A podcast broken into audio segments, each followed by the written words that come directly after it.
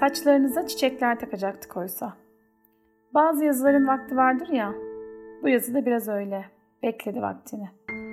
Fikri vardı, lakin çıkması için beklediği bir zaman vardı. Tıpkı doğum gibi, tıpkı ölüm gibi de. Ne vaktinden bir saniye önce ne de bir saniye sonra. Bir kadın ölürken dünyanın bambaşka yerinde, biz de ondan uzak bir coğrafyada özgürce nefes alırken çıktı bu yazı. Aynı gökyüzünün altında birimiz ölürken, diğerimiz yaşarken tam da. Her şey bir ve bütünken nasıl bu kadar ayrı sandık birbirimizi?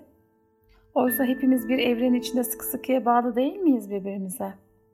Ruhundan ruh üflenen yüce bir kudretin aciz kulları iken ve karıncayı dahi incitmemiz hoş sayılmazken nasıl bu kadar hoyratça tüketebildik dünyayı? Görünmez zincirlerle bağlıyken oysa birbirimize, koparılan bir can zincirinin boşluğu kanırtmaz mı bugün kalbimizi?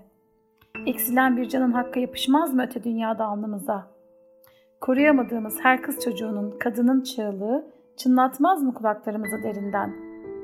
Verilecek bir hesap varsa öte dünyada, bu dünyada da çökmez mi yükü omuzlarımıza?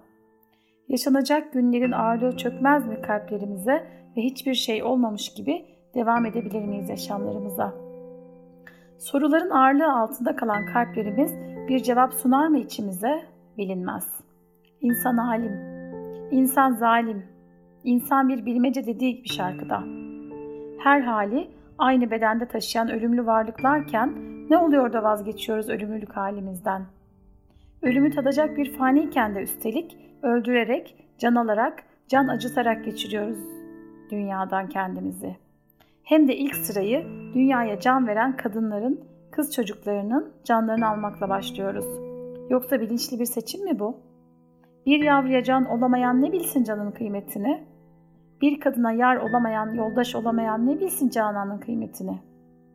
Dünya var olduğundan beri en çok zulüm gören hep kadınlar olmuştur.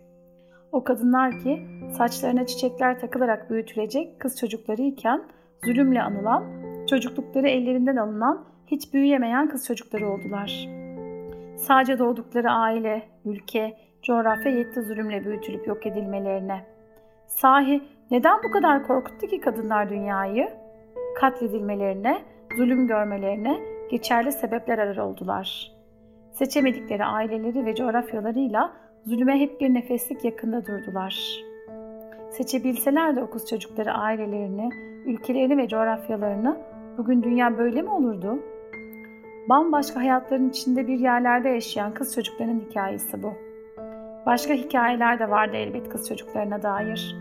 Tam bu zulmün ortasında dünyanın bir yerinde bir liderin kız çocuklarına sunduğu haklar da bu çağa aitti oysa ki kimseye verilmemiş haklarla doğan şanslı kız çocukları olarak yaşarken bu coğrafyada tam da aynı anda sokağa çıkamayan diğer coğrafyada yaşayan kız çocuklarıyla karşılaştığında ne hisseder kalbimiz? Onlara söylenecek hangi sözü saklar dilimiz? Bir lider dünyayı değiştirirken diğeri dünyayı aynı anda nasıl yok edebilir anlatabilir miyiz? Bugünden itibaren o liderin kız çocukları olarak dünyayı tüm kız çocukları için daha yaşanılır hale getirebilmek için adım atmaya başlayabilir miyiz? Yarın değil, bugün, tam da şu an. Tüm dünyada zulüm gören tüm kadınlar için, tüm kız çocukları için ayağa kalkabilir miyiz? Yarın geç olmadan tam da bugün. Çünkü dünya saçının bir teline zarar gelmeyecek narin, kıymetli kız çocuklarıyla dolu.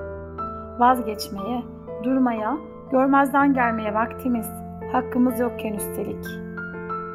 Bu yazı dünyanın farklı coğrafyalarında katledilen, zulmedilen, görmezden gelinen tüm kız çocuklarına ithaf edilmiştir.